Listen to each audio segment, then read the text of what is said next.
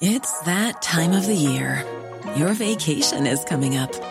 You can already hear the beach waves, feel the warm breeze, relax, and think about work. You really, really want it all to work out while you're away. Monday.com gives you and the team that peace of mind. When all work is on one platform and everyone's in sync, things just flow wherever you are. Tap the banner to go to Monday.com.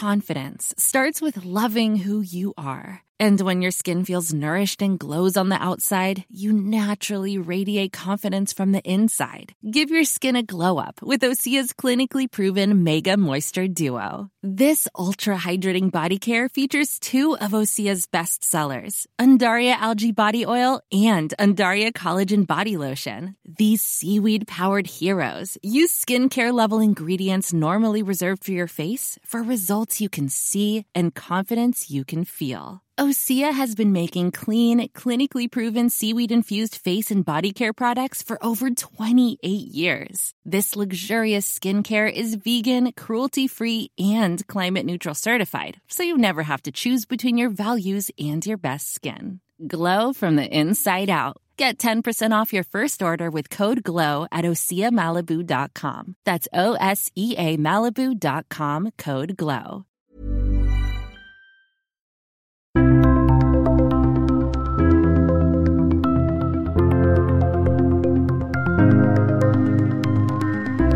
Akkurat da oljebransjen hadde henta seg inn etter forrige krise, smalt det igjen. Koronapandemien og en oljepris i fritt fall gjør at næringen igjen står foran en nedtur som kan bli minst like dramatisk. Hvorfor er leiting etter olje og gass noe av det første som rammes i usikre tider? Hva er konsekvensen av mindre leiting? Og hva innebærer det at investeringene på norsk sokkel skal kuttes kraftig? Du hører på Det vi lever av, en podkast fra Stavanger Aftenblad og Bergens Tidende. Jeg heter Ola Myrseth, og med meg nå har jeg Kyrre Knutsen, som er sjeføkonom i SR-Bank. Velkommen, Kyrre. Hei skal du ha, Ola. Det skjer jo enormt mye innenfor økonomi og næringsliv nå, men uh, vi skal konsentrere oss litt om oljebransjen og snakke om noen temaer som berører den.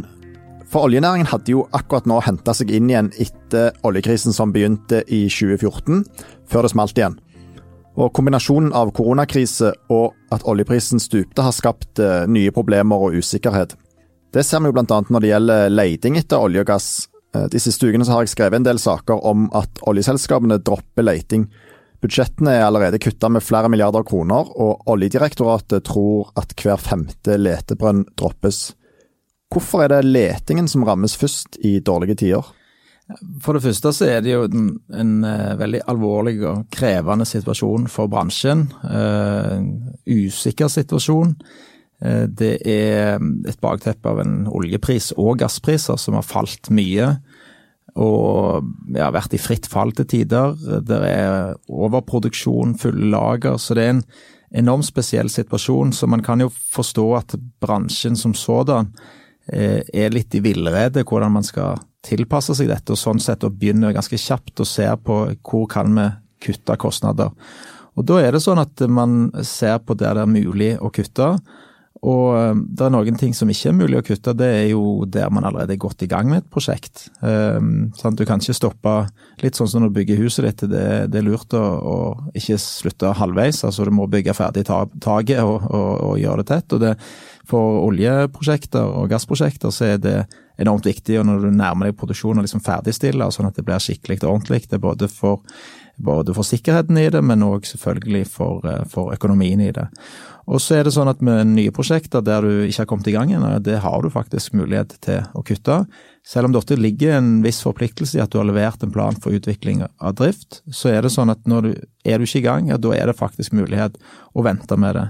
Og det er òg sånn at økonomien endres jo veldig i prosjektet da når prisen La oss si du tidligere, altså, det var ikke lenge siden vi lå på godt over 50, kanskje 60-70, og så plutselig ser er den 25. Det er klart at selve økonomien i det enkelte prosjekt, litt avhengig av hva bane man legger til grunn, men, men den banen vil nok være lavere enn der det var for tre måneder siden ja, den blir veldig annerledes. Så det vi ser er jo at selskapene på et vis de, de, ser på alle kostnadene, og så prøver de å kutte der man kan, og skyve på kostnader for å bedre økonomien i dag og skape seg litt større robusthet, sånn at ikke på en måte kassen går tom eh, som følge av den lavende eh, løpende kontantstrømmen. For vi må huske at veldig mange av oljeselskapene de lever av den løpende olje- og gassinntekten.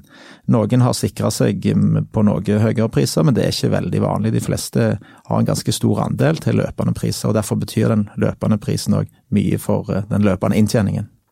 Som nevnt så har uh, Oljedirektoratet gjort nye beregninger nå, og de tror at én uh, av fem brønner droppes. De trodde egentlig at det skulle bores rundt 50 brønner i år, nå er det tallet nede i 40. Men når jeg snakket med deg i forbindelse med en av disse sakene jeg skrev, så snudde du litt på det og sa at eh, fire av fem brønner skal jo fortsatt bores. Er det sånn at det ikke er så dramatisk at hver femte brønn eh, droppes? Altså, Jeg skal ikke avdramatisere situasjonen, ehm, men vi skal ha et lite bakteppe av at eh, det har vært delt ut ganske mange lisenser de ja, to-tre siste årene. Antall letebrønner har ligget på et høyt nivå, lå på et høyt nivå i fjor. Eh, og eh, eh, hvis det nå blir, hvis, svaret blir at det faller med 20 så er det mye mindre enn f.eks. For under forrige nedgang, der antall letekroner falt med over 50% fra 2013-2014 til bunnen i 2017. Og så er det sånn at vi vet ikke helt, og, og, og kanskje så er mer usikkerheten på nedsida her. Og, og, sånn sett så kan det fallet bli, bli mer enn 20% Så Um, dramatisk eller ikke, det er i hvert fall, hvis det blir 20% så er det mindre enn det det var forrige gang. og Kanskje vi kan håpe på det, at man klarer å opprettholde hva skal si, en viss stabilitet. og Det har jo mm, på et vis vært norsk sokkel sin, uh, sin styrke. og Litt sånn offshore er gjerne sånn lengre prosjekter, kompliserte prosjekter som gjør at du ikke du får ikke skiftene umiddelbart med oljeprisen, men det tar noe tid, og som òg jevner ut eh, svingningene noe. Ja, jeg tror det er viktig å understreke det du var inne på der, med at det er jo tidlige beregninger dette her, og vi, vi, vet jo ikke helt hva som blir fasiten og hvor stort fallet eventuelt blir til slutt. Men vi vet iallfall at det, det kommer til å bli bora færre letebrønner. Og hva betyr det egentlig at det blir bora færre letebrønner? Det betyr jo at eh, sannsynligheten for at vi finner mer blir lavere, da. Eh, gitt at det gir færre letebrønner liksom til evig tid, da. Eh, det som eh, mange på et vis forutsetter, og kanskje litt sånn Oljedirektoratet òg, er jo at det egentlig skyves på. da.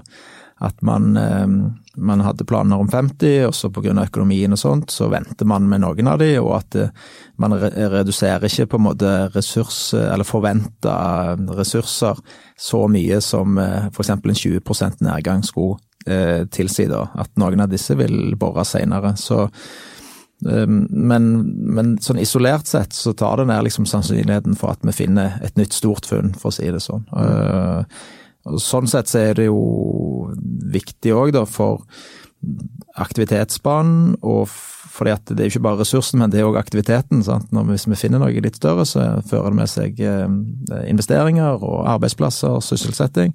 Så um, vi må jo på et vis òg krysse fingrene litt for at ikke nedgangen blir eh, for stor, da. Og kanskje da i hvis det blir en stor nedgang, at noe av det blir liksom forskjøvet noe fram i tid. For bakteppet når det gjelder ressurser, er jo at nå går oljeproduksjonen litt opp pga. Eh, Johan Sverdrup-feltet alene de neste årene, men ut på midten av 2020-tallet så kommer det til å falle dramatisk. Og beregninger fra Rystad Energy sier at uh, på ti år, fra 2025 til 2035, så kan uh, produksjonen på norsk sokkel halveres uten funn. Hva betyr det egentlig? Det betyr eh, at det blir mindre aktivitet. Altså da, hvis vi ikke eh, Sånn som det, Hvis vi bare har eh, de par siste årene, så først hadde vi jo en ganske kraftig oljenedgang. Da falt jo aktiviteten med en tredjedel. Ca. 35% sånn jevnt over. Og så har han tatt seg godt opp igjen. I fjor, 2019, ble et år med vekstinvesteringer på 15-20% som har kommet godt opp igjen. og I denne fasen så har vi bl.a. hatt Sverdrup, som har gjort at aktiviteten sto jo for kanskje halvparten, eller for en tredjedel av aktiviteten i noen av disse årene. Så vi var på et vis litt heldige, og litt dyktige òg, for det er litt av denne stabiliteten på norsk sokkel. Men hvis det, hvis det blir funnet mindre, så blir det mindre aktivitet og færre arbeidsplasser. og på et vis eh, bransjen må finne flere bein å stå på for å, for å få brukt den, den, kapasiteten de har. da. Nå har jo de siste par årene òg, så har vi jo sett at det har vært en en god forretningsutvikling. Mange har gått over, eller liksom ut, bredda ut forretningsmodellen mot fornybar energi, mot havbruk, mot infrastruktur og òg gjør mer globalt. Da.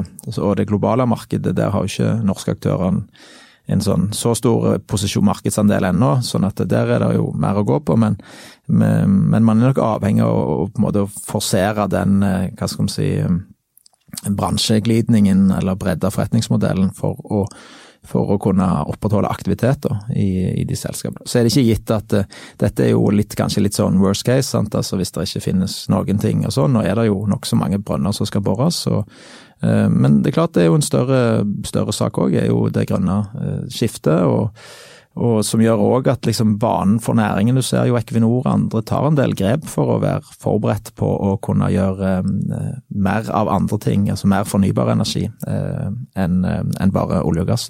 Mm. Nå er det sånn at det er to store prosjekter som pågår. Det er siste fase av Johan Sverdrup og det er Johan Castberg-utbygging, som er et felt oppe i Barentshavet. Og Når de er ferdige nå innen et par år, så er det egentlig ingen store prosjekter i køen. Hva betyr det for leverandørene? Um, altså, det har vært en del snakk om dette. Hvis vi ser på banen de par neste årene, så var det sånn at uh, i hvert fall fram til 20, skal vi se, 20 neste år og 2022 og 2023, så var det en samla sett en, en, grei bane. Altså, det var ikke noe særlig vekst, det var, det var noe nedgang der òg, men mye av de var av enten pågående prosjekter eller ting som er levert sånn PUD på plan for utvikling og drift. Så det var nok mer sånn ut på, godt ut, litt ut på 2020-tallet, så sto man nok i fare, eller står man jo i fare for at aktiviteten faller mer dramatisk. Og så er det litt sånn, på et vis sånn har det alltid vært, at hvis du har gått langt nok fram, så er det få prosjekter, fordi at de varer noen år, og så har man ikke en liksom ordreserve som er ti år, liksom, men, men nå er det vært tre-fire, kanskje opp mot fem år. Men samtidig så er det jo det usikkerheten om det blir fylt på med noe nytt, og da særlig nå når oljeprisen er så lav og aktiviteten tas ned, leteaktiviteten tas ned, så faller jo sannsynligheten for at vi finner noe. Så jeg tror nok man, eh, bransjen er nok liksom usikre på, på hvordan dette skal, hvor vi skal lande henne, da. Hva den lave prisen gjør med aktivitetsbanen de par neste årene. Hvor prekært er behovet for å gjøre et funn av en viss størrelse? Jeg tror på et vis det viktigste for eh, bransjen er nok mer at du får um, et prisbilde, altså, eller liksom, utsikter som stabiliserer seg. Den, den store prissvingningene nå er vanskelige. Det er, det er for samme hva bransje du er i. altså Hvis avis, prisene på aviser og annonser så hadde, plutselig hadde falt med over 50% så er det klart at det gjør noe med at du, hva forretningsmodell kan du lage ut av det. Så jeg tror nok nå for bransjen så først og fremst så er det det å få liksom mer stabilitet i, i, i prisutsiktene og hva man kan planlegge med. Eh, det så vi under forrige runde, at vi gikk jo fra et prisnivå på 100, og godt over 100, til nesten halvparten, og bransjen tilpasser seg. Og i fjor så var det jo faktisk 20% nesten oppgang i aktiviteten.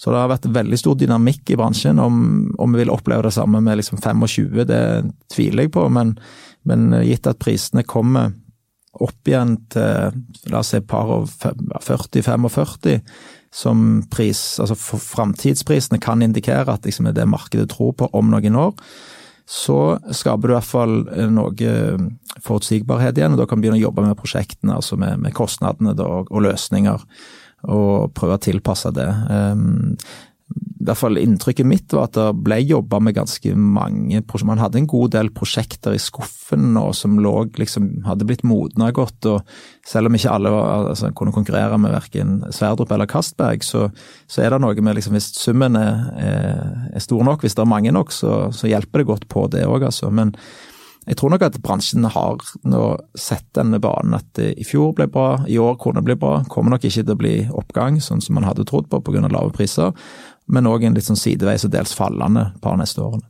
Nå har du egentlig brakt oss over på det som skulle være neste tema her. for det at Leting og, og nye prosjekter er jo en del av de samla investeringene på norsk sokkel.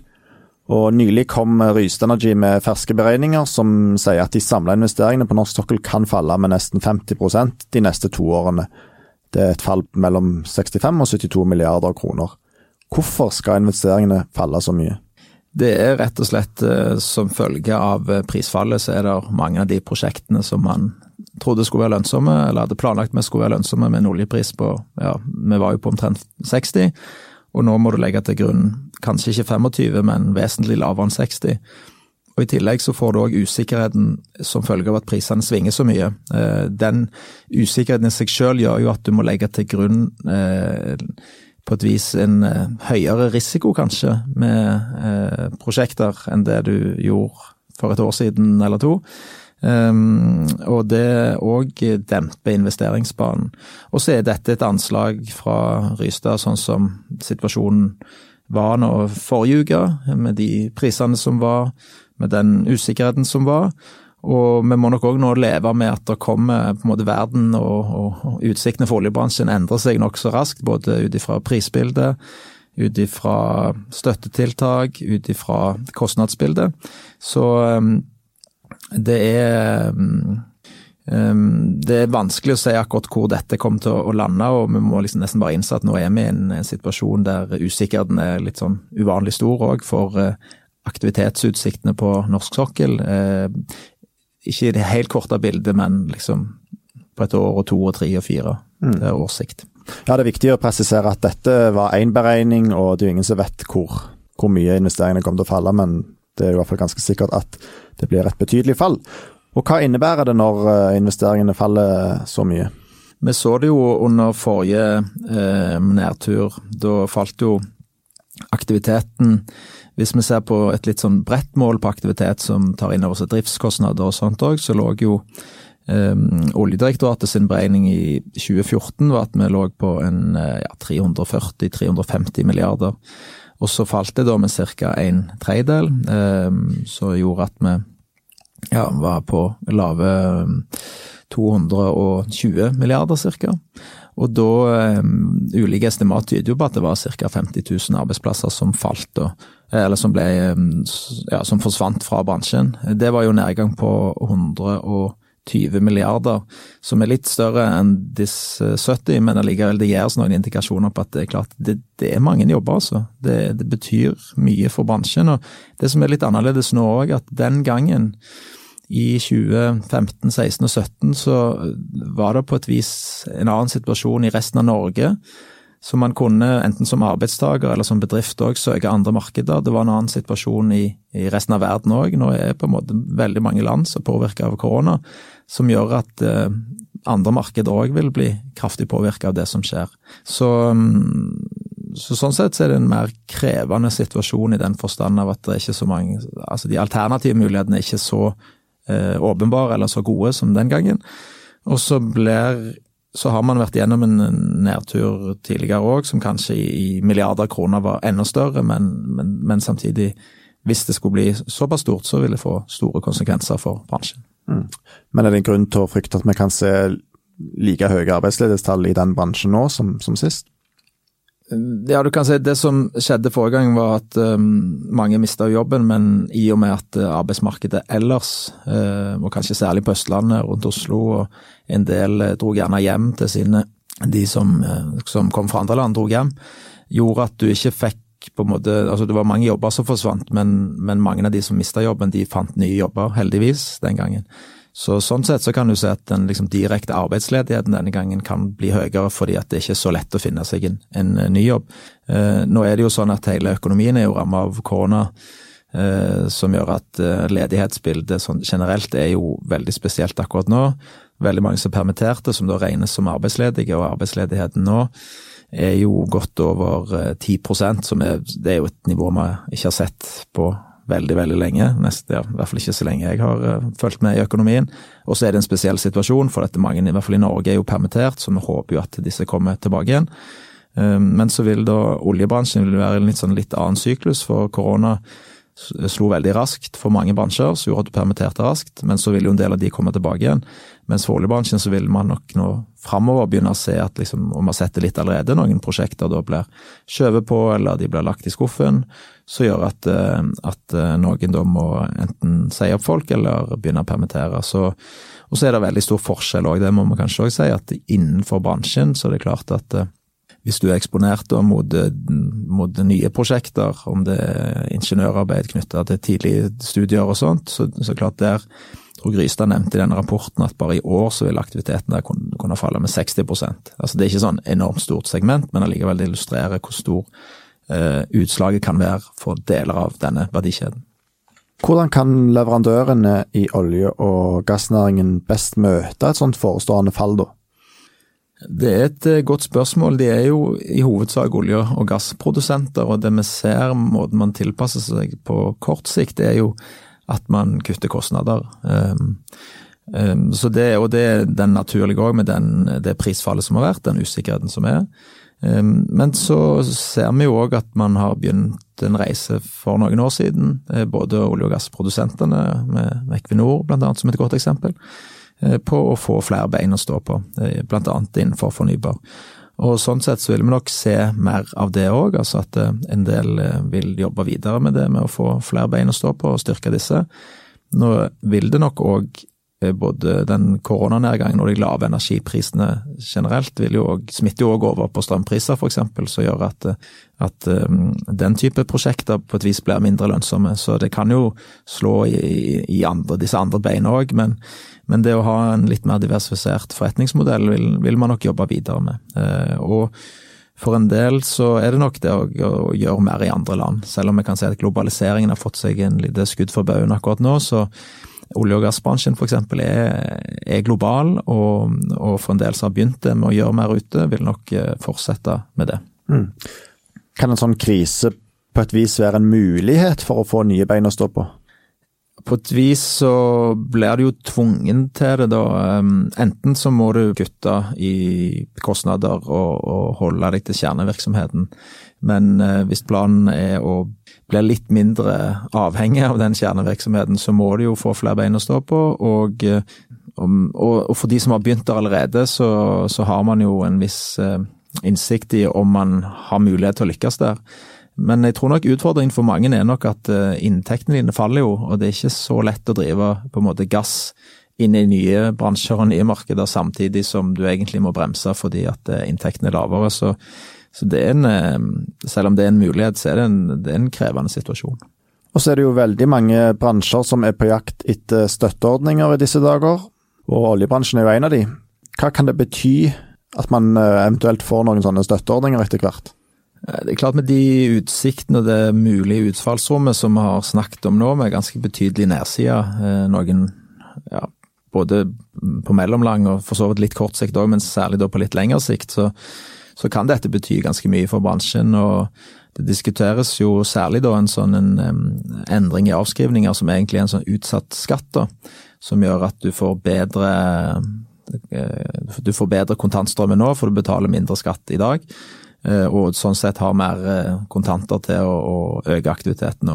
Så blir det interessant å se hvordan den ordningen kan bli, om da selskapene òg på et vis ikke har forplikte seg, men i hvert fall skisserer opp en bane som ser bedre ut enn det enn det de mest negative scenarioene kan eh, indikere. Og så blir det òg spennende å se om det er liksom andre typer prosjekter som man ønsker å, å eh, si, skalere opp, altså om det gjelder CCS-prosjekt eh, f.eks., om det er innenfor fornybar energi. Man er jo allerede i gang med Hywind Tampen, om det, liksom, om det skjer noe mer rundt der.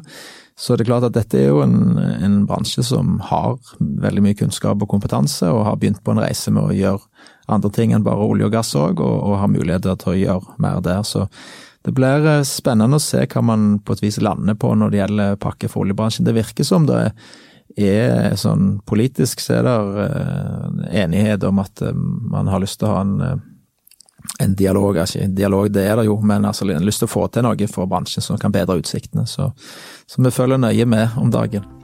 Det blir utvilsomt spennende å følge utviklingen framover. Det tror jeg iallfall vi kan være enige om, Kyrre. Jeg tror vi gir oss med det. Takk for at eh, du var med. Tusen takk, Ola. Vi kommer snart tilbake med en ny episode av Det vi lever av. Der kan du høre mer om det som skjer i de største næringene i Norge. Produsent for podkasten er Henrik Svanevik, og jeg heter Ola Myrseth. Takk for at du hørte på.